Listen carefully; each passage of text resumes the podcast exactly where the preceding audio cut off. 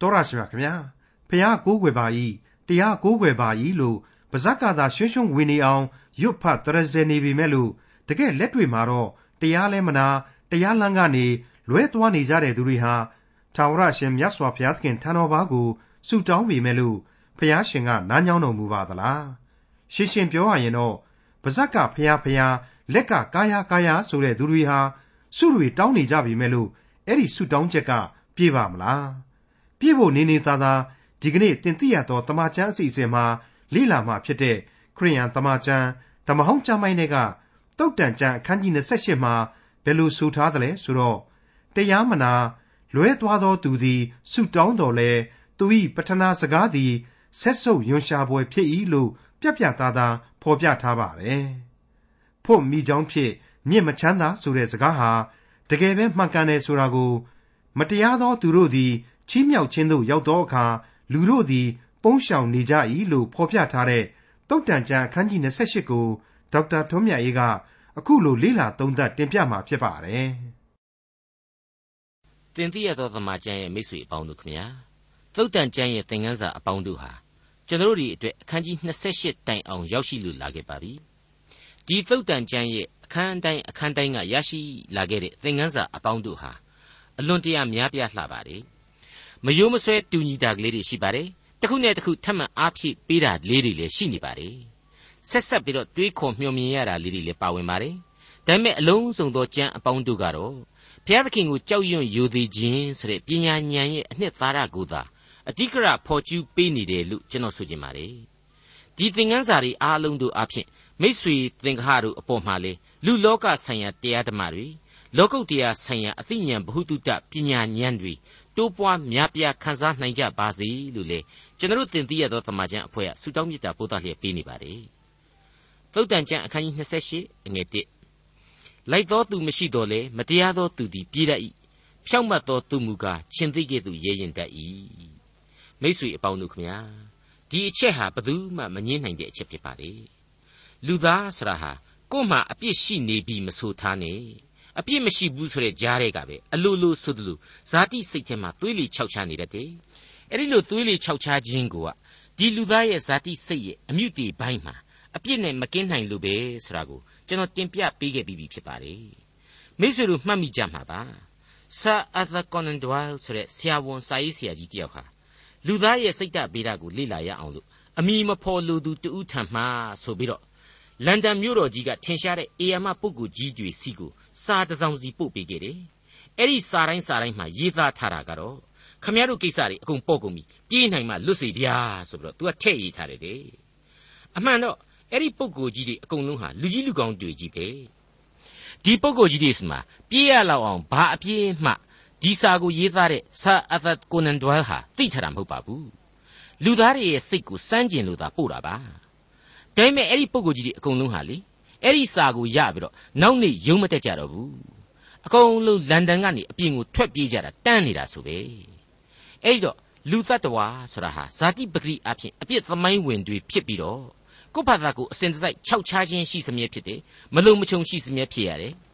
တနည်းပြောရမယ်ဆိုရင်တော့ကိုးကွယ်ရာကိုရှာနေကြတယ်လွတ်ရာလမ်းကိုအစဉ်တစိုက်မျှော်လင့်ကြတယ်ဆိုတဲ့လူရဲ့ဗီဇကိုဖော်ပြနေပါတယ်အဲ့ဒီလူတွေကြားထဲမှာကတော့ ဖြောက်မှတ်တော်သူဆိုတာဟာဒီအပိုင်းမှာပေါ်လာပါတယ်ဒါဟာဇာတိပဂရိယဖြောက်မှတ်တာမဟုတ်ပါဘူးဖျားသခင်ရဲ့ကျေးဇူးတော်နဲ့ဂရုဏာတော်ကြောင့်သာလျှင်ဖြောက်မှတ်ခြင်းဖြစ်ရပါတယ်ဒီကျေးဇူးဂရုဏာတော်ကိုတော့ယုံကြည်ခြင်းအားဖြင့်သာခံစားရခြင်းဖြစ်ပါတယ်သုတ်တန်ကျမ်းအခန်းကြီး28အငယ်1မှ9ပြည်သူပြည်သားအပြစ်ကြောင့်မင်းတို့သည်များပြားတတ်ကြ၏ဉာဏ်ပညာနှင့်ပြည့်စုံသောသူအဖျင် နိုင်ငံတည်တတ်၏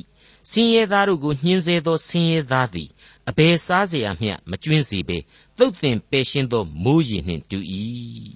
တရားကိုဖျက်သောသူသည်မတရားသောသူတို့ကိုချီးမွမ်းတတ်၏တရားကိုစောင့်သောသူမူကားသူတို့နှင့်ဆန့်ကျင်ဘက်ပြုတတ်၏အရမလူသည်တရားစီရင်ခြင်းကိုနားမလည်တတ်ထာဝရဘုရားကိုရှာသောသူမူကားခတ်သိမ်းသောစီရင်ခြင်းကိုနားလေတတ်၏ပြည်သူပြည်သားရဲ့အပြစ်တွေကြောင့် မင်းနေဘရင်နေအာနာပိုင်တွေဟာပွားများလာတယ်ဆိုပါကလားဒါကိုကျွန်တော်ဖတ်ရင်နဲ့မျက်လုံးပြူသွားမိပါတယ်အံ့ဩလို့လည်းမကုန်နိုင်အောင်ဖြစ်သွားပါတယ်ဒါဟာဘာကိုဆိုလိုတာလဲရှင်းနေပါတယ်တိုင်းပြည်မှာဘုရားသခင်ကိုယိုသေးခြင်းမရှိဖောက်ပြန်သောအပြစ်သားတွေနဲ့ကြီးပြည့်နေမယ်ဆိုရင်စိတ်ဝန်းတွေဟာအစိတ်စိတ်အမွှားမွှားကွဲကုန်တာကိုဆိုလိုတာပါပဲအကြီးအကျယ်အံ့ဩဖို့ကောင်းနေတဲ့အချက်ကတော့ရှောလမုန်မင်းကြီးရဲ့အတွေးအခေါ်အပေါင်းတို့ဟာ ဝိညာဉ်တော်လမ်းပြခြင်းအဖြစ်ခစ်တို့ရဲ့ရှေ့ကိုကြော်ပြီးပြေးနေတယ်ခေအရန်မှီနေတယ်ဆိုတဲ့အချက်ဖြစ်ပါတယ်တကယ်တော့ရှောလမုန်ရဲ့ခေတ်မှာဣသရီလာအရန်သာယာဝါပြောခဲ့ပါတယ်ဒါဝိမင်းကြီးရဲ့လက်ယုံရည်နဲ့တိဆောက်ပေးခဲ့တဲ့ရွှေခေတ်ကြီးကိုရှောလမုန်ဟာအငိမ့်သားကလေးအမွေခံပြီးတော့ရာဇပလင်ပေါ်မှာငုတ်တုတ်ထိုင်နေုံပါပဲဒသနာတွေအဘိဓမ္မာတွေကိုရှာဖွေပြီးတော့စီးစိမ်ရစ်မှုခဲ့ယုံပါပဲတိုင်းပြည်မှာဘာမင်းတွေမှလည်းမများခဲ့သေးပါဘူး ဒါပေမဲ့သူသေးပြီးတော့မှဣသရီလာဟာနှစ်ချမ်းကွဲတယ်ယူဒနဲ့ဣသရီလာဆိုပြီးတော့တိုင်းပြည်ကြီးနှစ်ချမ်းကွဲခဲ့ခြင်းဖြစ်တယ်အဲ့လိုနှစ်ချမ်းကွဲပြီးတော့မှလေတိုင်းပြည်ဟာတခါမှသာယာဝပြောခြင်းရှိတယ်လို့မရှိတော့ဘဲနဲ့နောက်ဆုံးအချိန်မှာတော့ကျွန်ဘဝကိုတောင်မှတဖန်ပြန်လေသက်ဆင်းခဲ့ရတယ်ဆိုတာကိုကျွန်တော်တို့ဓမ္မရာဇဝင်တွေအရထင်ရှားစွာတွေ့ကြရပြီဖြစ်ပါတယ်ဒါတွေကိုရှောလမုန်မင်းကြီးဟာအရှင်းမကြုံခဲ့ဘူးအရှင်းမသိခဲ့ပါဘူးအဲ့ဒီလိုအရှင်းမကြုံခဲ့မသိခဲ့ပါဘဲနဲ့ သိပြီးတကယ်သူအခုလိုဆိုလိုက်ခြင်းပဲဖြစ်ပါတယ်ပြည်သူပြည်သားအပြစ်ကြောင့်မင်းတို့သည်များပြားတတ်ကြ၏ဉာဏ်ပညာနှင့်ပြည့်စုံသောသူအဖြစ်နိုင်ငံတည်တတ်၏တဲ့အဲ့ဒီလိုအပြစ်ရှိသူတွေများပြားနေတယ်ဆိုတာကိုသိသာစေတဲ့ဝိသေသလက္ခဏာတွေကတော့လူလူချင်းညှင်းဆဲတာတွေအရမပြုမှုမှုတွေတရားကိုမဆောင်သောအမှုတွေဖြစ်ပါတယ်ဟုတ်ပါတယ်ဆက်လက်ပြီးတော့အခုလိုဆိုထားပါတယ်ဆင်းရဲသားတို့ကိုညှင်းဆဲသောဆင်းရဲသားသည် အဘယ်စားเสียမျှမကျွင်းစေပေသုတ်တင်ပယ်ရှင်းသောမိုးရင်နှင့်တူ၏တရားကိုဖျက်သောသူသည်မတရားသောသူတို့ကိုချီးမွမ်းတတ်၏တရားကိုစောင့်သောသူမူကားသူတို့နှင့်ဆန့်ကျင်ဘက်ပြုတတ်၏အရမလူသည်တရားစီရင်ခြင်းကိုနားမလည်တတ်ထာဝရဘုရားကိုရှာသောသူမူကားခတ်သိမ်းသောစီရင်ခြင်းကိုနားလေတတ်၏တဲ့မိတ်ဆွေအပေါင်းတို့ထာဝရဘုရားကိုရှာဖွေနိုင်သောသူတွေဖြစ်နိုင်ကြပါစေ ထာဝရဘုရားရဲ့ခတ်သိမ်းသောတရားစီရင်တော်မူခြင်းအကြောင်းကိုနားလေခံယူနိုင်သောသူများဖြစ်နိုင်ကြပါစေလို့ကျွန်တော်တင်ပြရသောသမာကျမ်းအဖွဲ့ကအထူးဆုတောင်းမေတ္တာပို့သလျက်ရှိနေပါတယ်သုတ်တန်ကျမ်းအခန်းကြီး28အငယ်6မှ8မမှန်သောအမှုကိုပြုသောသူသည်ငွေရရတော်လေဖြောက်မှတ်ခြင်းလမ်းသို့လိုက်သောဆင်းရဲသားသည်သာ၍မြတ်၏တရားကိုစောင့်သောသူသည်ပညာရှိသောသားဖြစ်၏ စားကျူသောသူတို့နှင့်ပေါင်းဖော်သောသူမူကားမိမိအဖကိုအရှက်ခွဲတတ်၏အတိုးစား၍မတရားသောအမျက်အားဖြင့်ဥစ္စာကိုစီးပူးသောသူသည်ဆင်းရဲသားတို့ကိုတနာသောသူအဖို့သာစီးပူးတတ်၏ဒီအချက်တွေဟာလေစစ်စစ်စဉ်းစားကြည့်လိုက်မယ်ဆိုရင်လူသားရဲ့အဖွဲ့အစည်းဟာဒီအတိုင်းပဲဖြစ်နေတယ်ဆိုတာကိုပြောင်ကြီးဖွင့်မပြောယုံတမယ်ပဲရှိတယ်လို့ကျွန်တော်ခံယူပါတယ်ဒီလောက်အထိဖောက်ပြန်နေတဲ့လူအဖွဲ့အစည်းမှာ ဖြောက်မှတ်ခြင်းတရားလမ်းဆိုတာကတော့ရှိနေစေဖြစ်တယ်ဆိုတာကိုအငယ်6ဟာဖော်ပြပေးထားပါတယ်မမှန်သောအမှုများနဲ့ချမ်းသာကြွယ်ဝနိုင်ပါတယ်ဒါပေမဲ့ဖြောက်မှတ်ခြင်းလမ်းကိုလိုက်တော်သူသားလျင်မြင့်မြတ်ပါတယ်ဆိုပြီးတော့ဖော်ပြပေးလိုက်ခြင်းပါနောက်တစ်ချက်ကတော့အလွန်ကြောချမ်းစရာကောင်းနေတဲ့အချက်ပါဆုတောင်းခြင်းနဲ့ပတ်သက်ပြီးတော့အေယာမလမ်းညွှန်ချက်ဖြစ်တယ်လို့ထာဝရဘုရားအပေါ်မှာယုံကြည်ကိုးကွယ်ပါတယ်ချင်းကပ်ပါတယ်ဆုတောင်းပါတယ်ဆိုတဲ့လူသားအလုံးအတွက် ပြင်းပြင်းထန်ထန်သတိပေးလိုက်တဲ့အချက်တစ်ခုပဲလို့ကျွန်တော်သုံးသပ်မိပါတယ်တရားမနာလွှဲသွားသောသူသည်ဆုတောင်းတော်လေသူ၏ပထနာစကားသည်ဆက်ဆုပ်ယွန်ရှာပွဲဖြစ်၏ဆိုပြီးတော့ပွင့်လင်းပြတ်သားစွာရှင်းလင်းစွာဖွင့်ဆိုဖော်ပြလိုက်တဲ့အချက်ပဲဖြစ်ပါတယ်အခုသုတ်တန်ကျမ်းအခန်းကြီး28အငယ်30ကနေဘယ်လိုဆိုထားတယ်ဆိုတာကိုကြည့်ကြပါအောင်စို့ဖြောင့်မတ်သောသူကိုလမ်းလွှဲ၍မကောင်းသောလမ်းတဲ့သို့သွေးဆောင်သောသူသည်မိမိတူသောတွင်တဲ့သို့မိမိကြလိမ့်မည် သဘောဖြောင့်သောသူမူကားကောင်းသောအရာကိုအမွေခံရလိမ့်မည်ကျွန်တော်ကတော့ဒီအဆုံးအမဟာတကြော့ပြန်ကြားရတဲ့အတွက်ပို့ပြီးတော့အရေးကြီးလာတယ်လို့သတ်မှတ်ချင်ပါတယ်လောကကြီးမှာကိုယ်တိုင်ဟာမကောင်းတာတွေကိုလုပ်ပြီးတော့ကြီးပွားနေတဲ့လူတွေကိုမကောင်းမှုတွေနဲ့ပဲတခြားသူတွေကိုပါဆွဲဆောင်ပြီးတော့ကိုယ့်လိုအမှောင်တူတဲကိုဆွဲသွင်းနေတဲ့လူတွေအပေါ်ယံမှာယုံကြည်ခြင်းရှိပါတယ်ဆိုပြီးတော့မှယုံကြည်ခြင်းတရားကိုကိုယ်တိုင်သွေးဖီနေတယ်လို့ ပဝန်းကျင်အတွက်ကိုပါယုံကြည်ခြင်းအားမပြော့ပြော့အောင်လို့အမှတ်တမဲ့လုံနေမိသူတွေအကုန်လုံးကိုသတိပေးလိုက်တယ်လို့ကျွန်တော်ခံယူမိပါတယ်ဟုတ်ပါတယ်အခုကျွန်တော်လေ့လာခဲ့တဲ့အငယ်၈ကနေ30အထိကိုပြန်ပြီးတော့ကြည်ပါပြီးတဲ့နောက်မှာတော့အခန်းကြီး26ထဲကအငယ်26ကနေအဆုံးအထိကိုဆက်ပြီးတော့ဖတ်ကြည့်ပေးပါအတိတ်ဘယ်ဟာပို့ပြီးတော့ရှင်းလင်းလာပါလိမ့်မယ်အတိုးစား၍မတရားသောအမျက်အားဖြင့်ဥစ္စာကိုစီးပူးသောသူသည် စင်းရဲသားတို့ကိုတနာသောသူအဖို့သာစီးပူးတတ်၏တရားမနာလွှဲသွားသောသူသည်ဆုတောင်းတော်လေသူ၏ပတနာစကားသည်ဆက်ဆုပ်ရွံ့ရှာပွဲဖြစ်၏ဖြောင့်မတ်သောသူကိုလမ်းလွှဲ၍မကောင်းသောလမ်းတဲ့သို့သွေးဆောင်သောသူသည်မိမိတူးသောတွင်တဲ့သို့မိမိကြလိမ့်မည်သဘောဖြောင့်သောသူမူကားကောင်းသောအရာတို့ကိုအမွေခံရလိမ့်မည်အညှိုးထားခြင်းကိုလှည့်စားခြင်းအပြင်ဖွက်ထားတတ်သောသူ၏ဒုစရိုက်အပြစ်သည်ပရိသတ်ရှိမှထင်ရှားလိမ့်မည် တွင်တူးသောသူသည်မိမိတွင်တဲ့သို့ကြလိမ့်မည်ကြောက်ကိုလှိမ့်သောသူအပေါ်မှာထိုကြောက်သည်ပြန်၍လိမ့်လိမ့်မည်မှုသာပြောတတ်သောသူသည်မိမိညှင်းဆဲသောသူတို့ကိုမုန်းတတ်၏ချော့မော့တတ်သောသူသည်လည်းဖျက်ဆီးတတ်၏အဲ့ဒီလိုတစုတဝေးတည်းပြန်ပြီးတော့တွေးနိုင်မှာဖြစ်ပါတယ်ဒီနေရာမှာကျွန်တော်အနေနဲ့အသေးစိတ်မရှင်းလင်းပေးတော့ပါဘူးဒါပေမဲ့ရှင်ပေတရုဩဝါဒစာပထမစာဆောင်အခန်းကြီး3အငယ်6ကနေ15အတွင်းမှာဖော်ပြထားတဲ့အချက်တွေအပြင် မတရားသောသူရဲ့ဖြောက်မတ်သောသူရဲ့ဘယ်နည်းဘယ်ပုံကွာခြားနေတယ်ဆိုတာကိုဆင်ခြင်ကြည့်ကြပါအောင်စို့သင်တို့သည် ကောင်းကြီးမင်္ဂလာကို အမွေခံစေခြင်းအလို့ငှာခေါ်တော်မူသောသူဖြစ်သည်ကိုသိမှတ်၍အချင်းချင်းရန်တုံမမူပြန်၍မကဲ့ရဲ့မေတ္တာပို့ခြင်းကိုပြုကြလော့အသက်ကိုမွေးလျော်စေ၍ကောင်းမွန်သောနေ့ရက်တို့ကိုတွေ့မြင်ခြင်းဟာအလိုရှိသောသူသည်မိမိရှာကိုမကောင်းသောအရာနှင့်ကင်းလွတ်စေ မိမိနှုတ်ခမ်းလည်းမှုသာစကားကိုမပြောစေနှင့်ဒုစရိုက်ကိုလွှဲရှောင်၍သူစရိုက်ကိုပြုစေသူတစ်ပါးနှင့်အသင့်အတင့်နေခြင်းကိုရှာ၍မိအောင်လိုက်စေအကြောင်းမူကားထာဝရဘုရားသည်ဖြောက်မတ်သောသူတို့ကိုကြည့်ရှုတော်မူ၏သူတို့ဆုတောင်းခြင်းကိုလည်းနားထောင်တော်မူ၏ဒုစရိုက်ပြုသောသူတို့ကိုကထာဝရဘုရားသည်မျက်နှာလွှဲတော်မူ၏သင်တို့သည်ကောင်းသောတရားကိုကျင့်သောသူဖြစ်လျင်အဘယ်သူညှင်းဆဲမည်နည်း ဖြောင့်မတ်ခြင်းတရားကြောင့်ဆင်းရဲခံရလျင်မူကားမင်္ဂလာရှိကြ၏သူတို့၏ချင်းချောက်ခြင်းကိုမကြောက်ကြနှင့်မထိတ်လန့်ကြနှင့်စိတ်နှလုံး၌ထာဝရအရှင်ဘုရားသခင်ကိုယိုသေးခြင်းရှိကြလော့သင်တို့မျှော်လင့်ခြင်း၏အကြောင်းကိုမေးမြန်းသောသူရှိသမျှတို့အားနူးညံ့သောသဘောကြောက်ရွံ့သောသဘောနှင့်ပြန်ပြောခြင်းဟာကာလအစဉ်မပြတ်အသင့်ရှိနေကြလော့အဲ့ဒီလိုကိုတွင်းကိုတူးတယ်ဆိုတာဒီနဲ့ပတ်သက်လို့လေယုံကြည်ခြင်းကြီးလှပါပြီဆိုတဲ့ ကမ္ဘာထိတ်တန့်မိသားစုကြီးတွေဟာတောင်မှမကင်းနိုင်ခဲ့ဘူးဆိုတဲ့သံဝေကတရားကိုကျွန်တော်တို့ဟာရယူတိုက်လာပါတယ်အထူးသဖြင့်ဖော်ပြရမယ်ဆိုရင်တော့အခုသုတ်တန်ကျမ်းကိုပြုစုနေသောရှောလမုန်ကိုယ်တိုင်ပင်လျင်ပါဝင်ပတ်သက်ခဲ့တဲ့ဒါဝိမင်းကြီးရဲ့မိသားစုကိုပဲဥရဟာယုံဆောင်ကြပါစို့ဥပမာပြုကြပါစို့အဲ့ဒီအပြစ်သားကြီးဒါဝိရဲ့သမိုင်းကိုဘုရားသခင်ထာဝရဘုရားကနေပြီးတော့ကယ်မပေးခဲ့ဓာတွေဟာသူ့ရဲ့ယုံကြည်ခြင်းသက်သက်ကြောင့်သာလျှင်ဖြစ်တယ်သူ့ရဲ့သီလသမာဓိတွေ သူ့ရဲ့ကောင်းမှုတွေပြုနိုင်တာတွေကြောင့်တော့အရှင်းမဟုတ်ခဲ့ဘူးဆိုတာကိုကျွန်တော်နားလေသဘောပေါက်လာကြရပါလိမ့်မယ်သုတ်တန်ကျမ်းအခန်းကြီး28အငယ်7ငွေရတတ်သောသူကငါသည်ပညာရှိ၏ဟုကိုကိုကိုထင်တတ်၏ဉာဏ်ကောင်းသောဆင်းရဲသားမူကားထိုသူကိုစစ်ကြောတတ်၏ဒီအပိုင်းကလေးကတော့အမှတ်တမဲ့ဆိုရင်ရှုပ်ထွေးသေးအောင်အောင်ထင်ရပါလိမ့်မယ်ဒါပေမဲ့အလွယ်ကလေးပဲလို့ကျွန်တော်ဆိုချင်ပါတယ်လောကမှာလူသားတွေဟာ လောကစည်းစိမ်ချမ်းသာကြွယ်ဝခြင်းအပေါ်မှာသာဂုံလို့ထင်ကြနေပြီးတော့အဲ့ဒီဂုံဆိုတာဟာလေအရာရာတဲ့ကြီးမြတ်နေတယ်လို့ပဲလို့ထင်တတ်ကြစမြဲဖြစ်ပါတယ်အဲ့ဒီဂုံစည်းစိမ်မှာသာသာယာပြီးတော့အလွှာဆန်တဲ့လူဒန်းစားတဲ့တစ်ခုလိုဖြစ်လာတတ်ကြတယ်ဆိုတာကိုသတိပေးလိုက်ပါတယ်အဲ့ဒီလိုအများရဲ့အမြင်ထဲမှာမျောပါမသွားတဲ့လူကတော့ဆင်းပင်ဆင်းရဲစေအောင်တော့စောစောကလူဒန်းစားတွေကိုကြည့်ပြီးတော့မှန်ကန်တဲ့လောကရန်သစ္စာတရားကိုတောင်ရှာဖွေမြင်တွေ့ခံစားနိုင်တယ်လို့ဆိုလိုက်ခြင်းပဲဖြစ်ပါတယ် အငယ်ဆက်နှစ်ဖြောင့်မတ်သောသူတို့သည်ဝမ်းမြောက်သောအခါဘုံကြည်တတ်၏မတရားသောသူတို့သည်ချီးမြှောက်ခြင်းသို့ရောက်သောအခါလူတို့သည်ပုန်းရှောင်၍နေတတ်ကြ၏အံ့ဩစရာပါပဲအခုအချက်တွေဟာစောစောကချမ်းသာဆင်းရဲပြဿနာနှစ်ခုနဲ့တစ်ဆက်တစ်ဆက်တည်းခံယူရမယ့်ဩဝါဒစာပဲအဓိကအဖြစ်တော့လူသားတို့ဘဝမှာဖြောင့်မတ်ခြင်းတရားလက်ကင်ထားရမယ်ဆိုတာကိုမိမောင်းထုတ်ပြလိုက်တဲ့အတူတူပါပဲ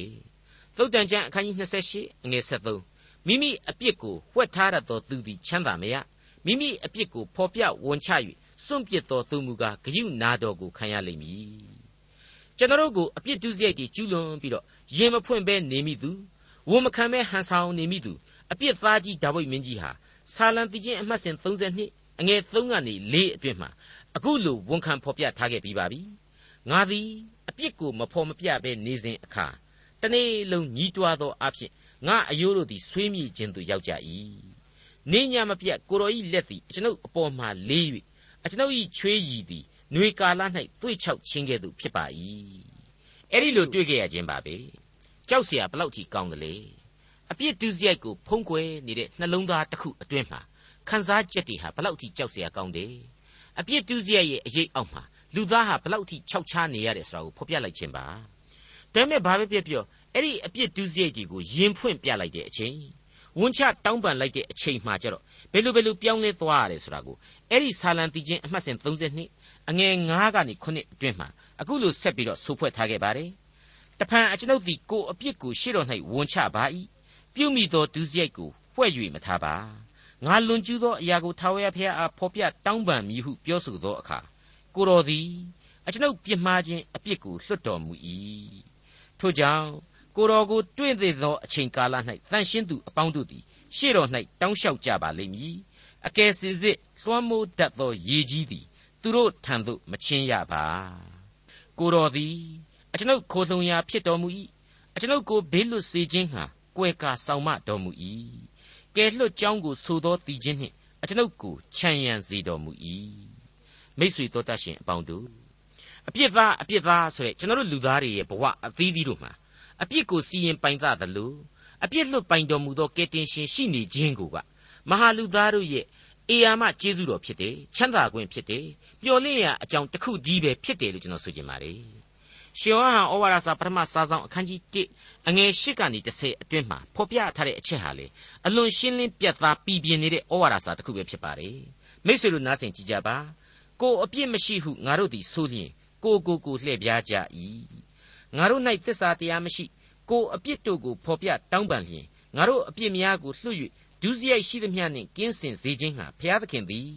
သစ္စာတရားနှင့်၎င်းဖြောင့်မတ်ခြင်းတရားနှင့်၎င်းပြည့်စုံတော်မူ၏ဒုစရိုက်ကိုမပြုတ်ပြီးဟုငါတို့သည်ဆိုလျင်ဘုရားသခင်ကိုမှုသာအပြစ်တင်ကြ၏နှုတ်ကပတ်တော်သည်လေငါတို့၌မရှိပြတ်သားလွန်းနေပါလေမိတ်ဆွေကျွန်တော်ရဲ့အပြစ်တွေကိုဘသူကိုမှရင်မဖွင့်မဲထားခြင်းရင်ထားပါ ဖုံးကွယ်ထားခြင်းရင်ထားပါလူအချင်းချင်းရဲ့ကြားလူအဖွဲ့အစည်းကြားမှာဖုံးလို့ကွယ်လို့ဖြစ်နိုင်ပါလိမ့်မယ်ဒါပေမဲ့ဒီအပြစ်ဟာခရစ်တော်ရှိမှတော့ပြေးလို့မလွတ်ဘူးဘုရားသခင်ကတော့အကျွမ်းမဲ့သိတော်မူတယ်ဒါကြောင့်မလို့ခရစ်တော်ရဲ့နာမတော်အားဖြင့်ဘုရားသခင်စီမှာယင်ဖွင့်တောင်းပန်ဆက်ကပ်အနှံလိုက်ပါတော့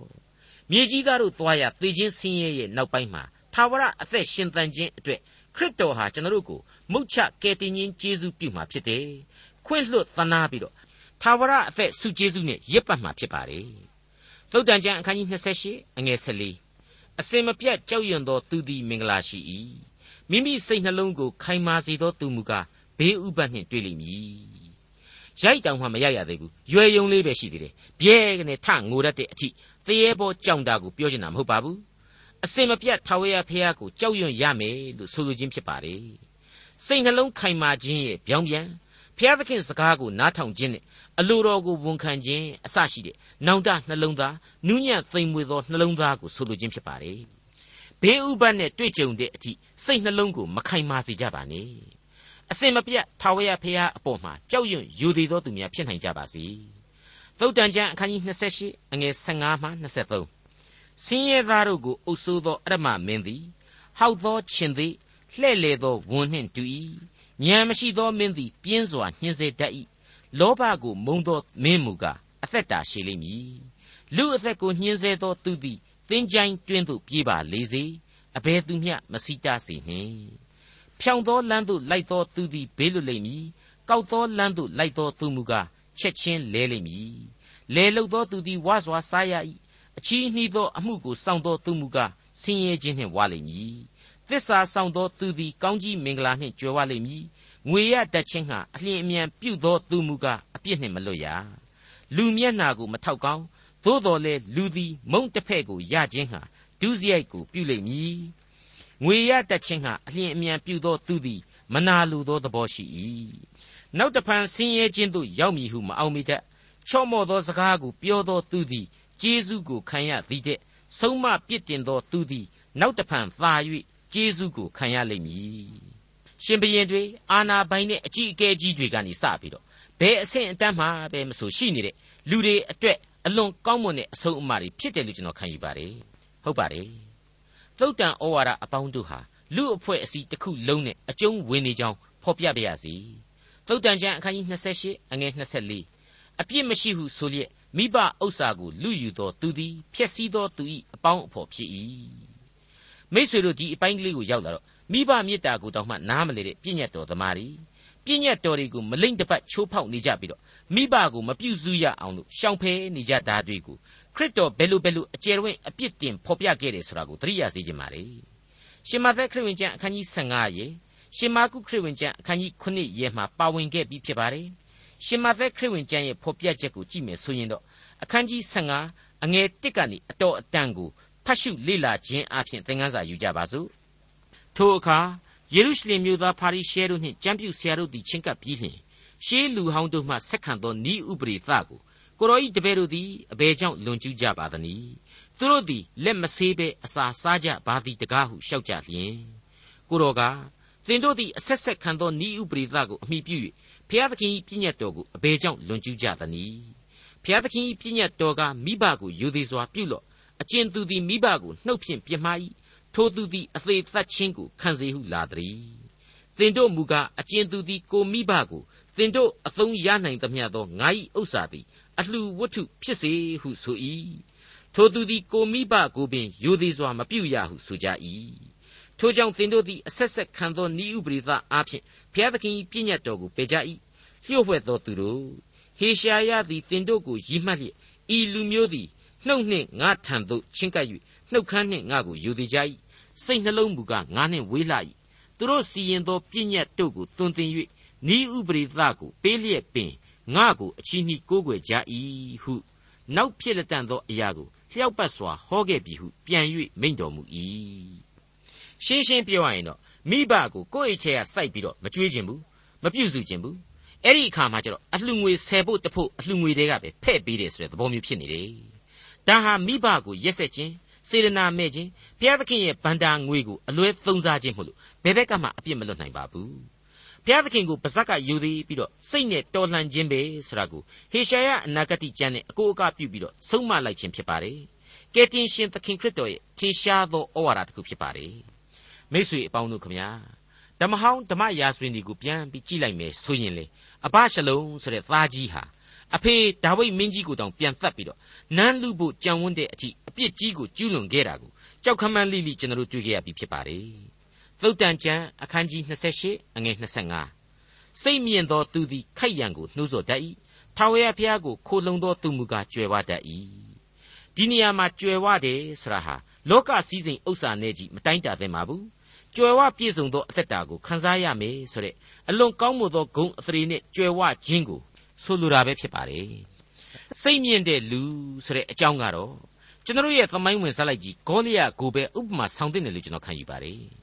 ဒုတိယကမ္ဘာစစ်ကြီးကိုစပြီးတော့မီးမွှေးခဲ့တဲ့ဟစ်တလာလိုပုံကူမျိုးနဲ့လေနှိုင်းရှင်သင့်တယ်လို့ကျွန်တော်ခံယူပါတယ်ထာဝရဘုရားကိုခိုလုံပြီးတော့ကြွယ်ဝခဲ့တဲ့လူတွေတဲမှာတော့အာဗြဟံဣဇက်ကအစသာသနာသမိုင်းကယုံကြည်သူကြီးတွေအသက်တာတွေနဲ့သာသက်သေအထောက်အထားများရှာကြည့်ကြပြီတော့လို့တင်ပြလိုက်ပါရစေ သုတ်တန်ကျမ်းအခန်းကြီး28အငယ်26မိမိစိတ်နှလုံးကိုကိုးစားသောသူသည်လူမိုက်ဖြစ်၏ပညာသတိနှင့်ကျင့်သောသူမူကားဘေးလွတ်တတ်၏ဒီအပိုင်းကိုအလေးနဲ့စဉ်းစားရင်းနဲ့စိတ်နှလုံးအကျွင့်မဲ့ကိုတော်ကိုယုံပါမည်ဆိုတဲ့တခြင်းကလေးကိုဖြတ်ခနဲ့ကျွန်တော်အောက်မိမိပါတယ်စိတ်နှလုံးအကျွင့်မဲ့ဆိုတာဟာအခုသုတ်တန်ကျမ်းကဖော်ပြလိုက်တဲ့အတိုင်းပဲ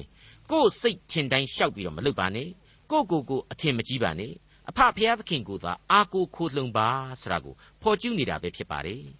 အဲ့ဒီတည်ခြင်းတွေကနောက်ဆုံးအပိုက်ကလေးဟာတွေးတောခြင်းကင်းလျက်ကိုတော်ကိုယုံပါ၏ဆိုပြီးတော့ဖော်ပြထားပါတယ်ကျွန်တော်မိษွေတို့ဟာကိုကိုကိုအာကိုတယ်ဒါမှမဟုတ်ရင်အခြားမိษွေသင်္ဃဟတွေကိုသာအာကိုတတ်တယ်ဆိုပါတော့ပူပန်ခြင်းဆိုတာဟာနောက်ဆက်တွဲတော့အမြင့်တန်းနေကြရစမြဲဖြစ်ပါတယ်မိษွေအပေါင်းတို့ခမညာဘုရားသခင်ကိုကိုးစားခြင်းကတော့အဲ့ဒီတိုင်းမဟုတ်ဘူးနှလုံးပုံ၍ယုံကြည်ခြင်း ဘဝပေး၍ရွေးချယ်ခြင်းပြုမယ်ဆိုရင်ဖြစ်သမျှအကြောင်းအကောင်းကြီးပဲလို့အမှန်တကယ်ကြွေးကြော်နိုင်မှာသာဖြစ်ပါတယ်ဘဝအသက်တာရဲ့အကောင်းဆုံးသောအရေးဟာအနန္တတကုရှင်ရဲ့အရေးမှခိုလှုံခြင်းပါပဲအမြင့်ဆုံးသောဘုရား၏ကွယ်ကာယဌာနတော်၌နေသောသူသည်အနန္တတကုရှင်အရေးကိုခိုရလိမ့်မည်ဆိုပြီးတော့ဒါဝိမင်းကြီးဟာဆာလံတိချင်းအမှတ်စဉ်61မှာဖော်ကျူးထားခဲ့ပါတယ်ဒါဟာသူ့ရဲ့ဘဝအတွေ့အကြုံပေါ်မှာယင်းပြီးတော့သူ့ရဲ့ဖော်ပြခဲ့သောအချက်ဖြစ်ပါတယ်သူသည်ငါ့ကိုချစ်သောကြောင့် သူ့ကိုငါကယ်နှုတ်မည်ငါဤနာမကိုသိသောကြောင့်သူ့ကိုငါချီးမြှောက်မည်သူသည်ငါ့ကိုခေါ်သောအခါငါထူးမည်ဒုက္ခခံရသောအခါသူ့ဘက်မှငါနေ၍ချမ်းသာပေးမည်သူ၏ဘုန်းကိုလည်းထင်ရှားစေမည်ရှည်သောအသက်နှင့်သူ့ကိုရောင်ရဲစေ၍ငါဤကယ်တင်ခြင်းကျေးဇူးကိုသူ့အားပြမည်တဲ့အဲ့ဒီ60ခုမြောက်သောဆာလံရဲ့နောက်ဆုံးပိုင်းဒီမှာဒါဝိမင်းကြီးဖော်ကျူးခဲ့ခြင်းပါပဲဟုတ်ပါတယ်အဖဖျားသခင်ရဲ့ကယ်တင်ခြင်းကျေးဇူးဟာ ကျွန်တော်လူသားများအားလုံးအတွက်အစဉ်တစိုက်တည်ရှိလျက်ပါသုတ်တန်ကျမ်းအခန်းကြီး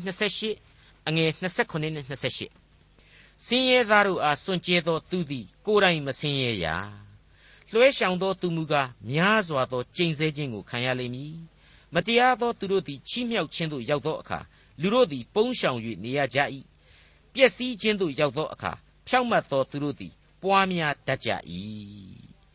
ဆင်းရဲချမ်းသာကွာဟမှုယုံနေအောင်လုပ်ကြပါစို့ဆိုပြီးတော့ကမ္ဘာနိုင်ငံရေးခေါင်းဆောင်ကြီးတွေဟာအပြိုင်အဆိုင်ကြွေးကြော်နေကြပါတယ်ပပျောက်ဖို့ဆိုတာဝေလာဝေ